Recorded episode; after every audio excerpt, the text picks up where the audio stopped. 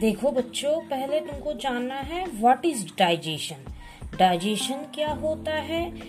जो फ़ूड आप खाते हो, उसको स्मॉल छोटे छोटे टुकड़े में, टुकड़ों में बट के वो तुम्हारे पेट के अंदर जाता स्टोमक के अंदर जाता है और वो धीरे धीरे पचता है, जिसको हम इंग्लिश में क्या बोलते हैं? डाइजेशन बोलते हैं। और फुल सिस्टम को तुम्हारे मुँह से, तुम्हारे स्टोमक, उसके बाद स्मॉल इंटेस्टाइन, लार्ज इंटेस्टाइन, वो पूरा सिस्टम को हम लोग क्या बोलते हैं? डाइजेस्टिव सिस्टम बोलते हैं। ठीक है? उसके बाद है तो डाइजेस्टिव सिस्टम कैसे काम करता है? पहले आप जैसे खाना खा रहे हो तो मुँह से तुम्हारे मुँह में जो पानी होता है, उसको क्या बोलते हैं हम लोग? सलाइवा बोलते हैं। वो कहाँ से निकलता है? सलाइवरी ग्लैंड से निकलता है। जब आप खाना खाते हो तो खाना तो आप निगल नहीं सकते हो डायरेक्टली तो उसको सॉफ्ट होना ज़रूरी है।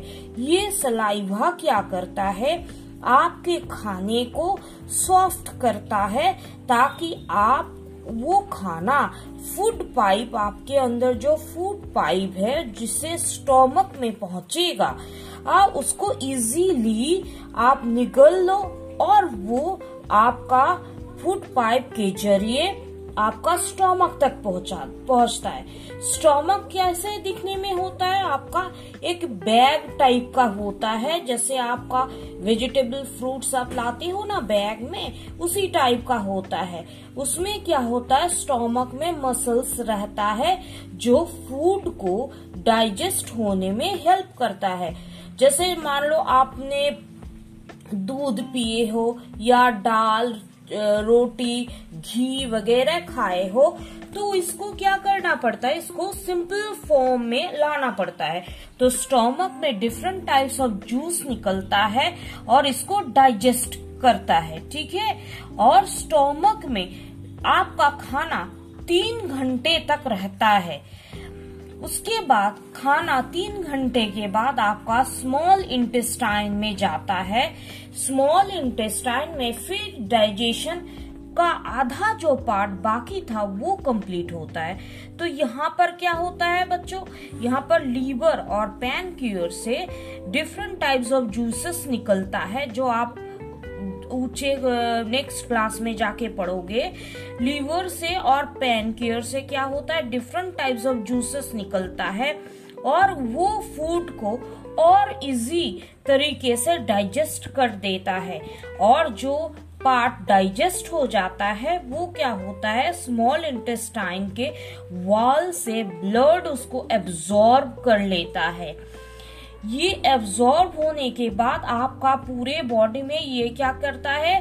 फैल ब्लड ये खाना को लेके एनर्जी को ले इन फॉर्म ऑफ़ एनर्जी के फॉर्म में आपके पूरे बॉडी में फैल फैल जाता है और आपको काम करने का ताकत देता है। और बच्चों जो खाना हजम नहीं होता है, वो क्या होता है? आपको पता है? उसके बाद ये स्मॉल इंटेस्टाइन के बाद लार्ज इंटेस्टाइन में पहुँचती है, जहाँ पर खाना में जो पानी मिल मिक्स हुआ था, वो अनडाइजेस्टेड पार्ट वो वाटर निकल जाता है आपका यूरिन के फॉर्म में और बाकी पार्ट जो सॉलिड वेस्ट होता है, वो आपका पोटी के थ्रू एनस से निकलता है। ठीक है बच्चों? तो मैंने हम क्या पढ़ा अभी तक? आप जब खाना खाते वो माउथ से कहाँ कहाँ पर जाता है? Food pipe then food pipe से कहा आता है? स्टोमक स्टोमक में कितना देर तक खाना स्टे करता है? थ्री आवर्स तक। उसके बाद next it goes to the small intestine small intestine में क्या होता है? जो पार्ट नहीं डाइजेस्ट होता है, वो भी डाइजेस्ट हो जाता है। उसके बाद जो अनडाइजेस्टेड पार्ट है, वो लार्ज इंटेस्टाइन में चला जाता है। लार्ज इंटेस्टाइन क्या करता है? उसमें से वाटर को फ़िल्टर कर यूरिन आपका यूरिन बना बाकी पार्ट वाटरी पार्ट यूरिन बन जाता है और जो आपका सॉलिड पार्ट होता है फ़ूड का, वो क्या होता है? एनस में चला जाता है। ठीक है? उसके बाद है आपका good eating habits good eating habits क्या क्या होता है? आप जब खाना खाते हो तो आपको क्या क्या, कैसे कैसे खा, करके खाना चाहिए? जैसे कुछ रूल्स है, आप एक फिक्स टाइम में खाना खाओ। जैसे आप मान लो सुबह में सात बजे खाए खाए हो, उसके बाद दोपहर में बारह बजे, उसके बाद फिर शाम में चार या पाँच बजे कुछ स्नैक्स वगैरह लिए, उसके बाद रात में आठ से नौ बजे के बीच खाना खा लो। तो एक फिक्स टाइम होना चाहिए, ठीक है बच्चों? दूसरी बात है, आप जब खाना खा रहे हो तो उसको जल्दी जल्दी मत खाया करो। उसको अच्छी तरीके से चबाओ, ठीक है? उसके बाद उसको आप निगल जाओ ताकि आपका डाइजेशन जो सिस्टम है, वो अच्छी तरीके से काम कर सके। उसको ज़्यादा परेशानी ना हो डाइजेस्ट करवाने में। उसके बाद जब आप मुँह खो, खा रहे खा रहे हो तो मुँह को खोल के मत खाओ। आप क्या मुँह बंद करके उसको चबाओ अच्छे से? और उसके बाद तुम्हारा जो है आ, जब एक खाना खाने के बाद आप थोड़ा सा रेस्ट लो उसके बाद फिर और एक निवाला अपने मुँह में डालो ताकि तुम्हारे खाने में थोड़ा से समय बचे थोड़ा से गैप हो और आप थोड़ा से चबा भी सको।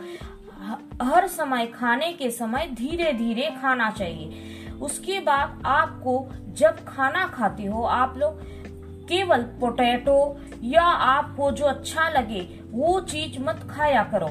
आपको जैसे रफेज, आपको खाना खाने में क्या क्या चाहिए? रफेज और फाइबर चाहिए, ठीक है? यदि आप वेजिटेबल्स और फ्रूट्स खाते हो तो आपको न्यूट्रिएंट्स भी मिलेगा और आपका डाइजेस्टिव सिस्टम भी क्या होगा? बहुत अच्छी तरीके से होगा और जो आपका वेस्ट पार्ट है, आपका अनडाइजेस्टेड पार्ट है, वो भी आसानी से, हर सुबह आपका एनस से निकल जाएगा। ठीक है बच्चों?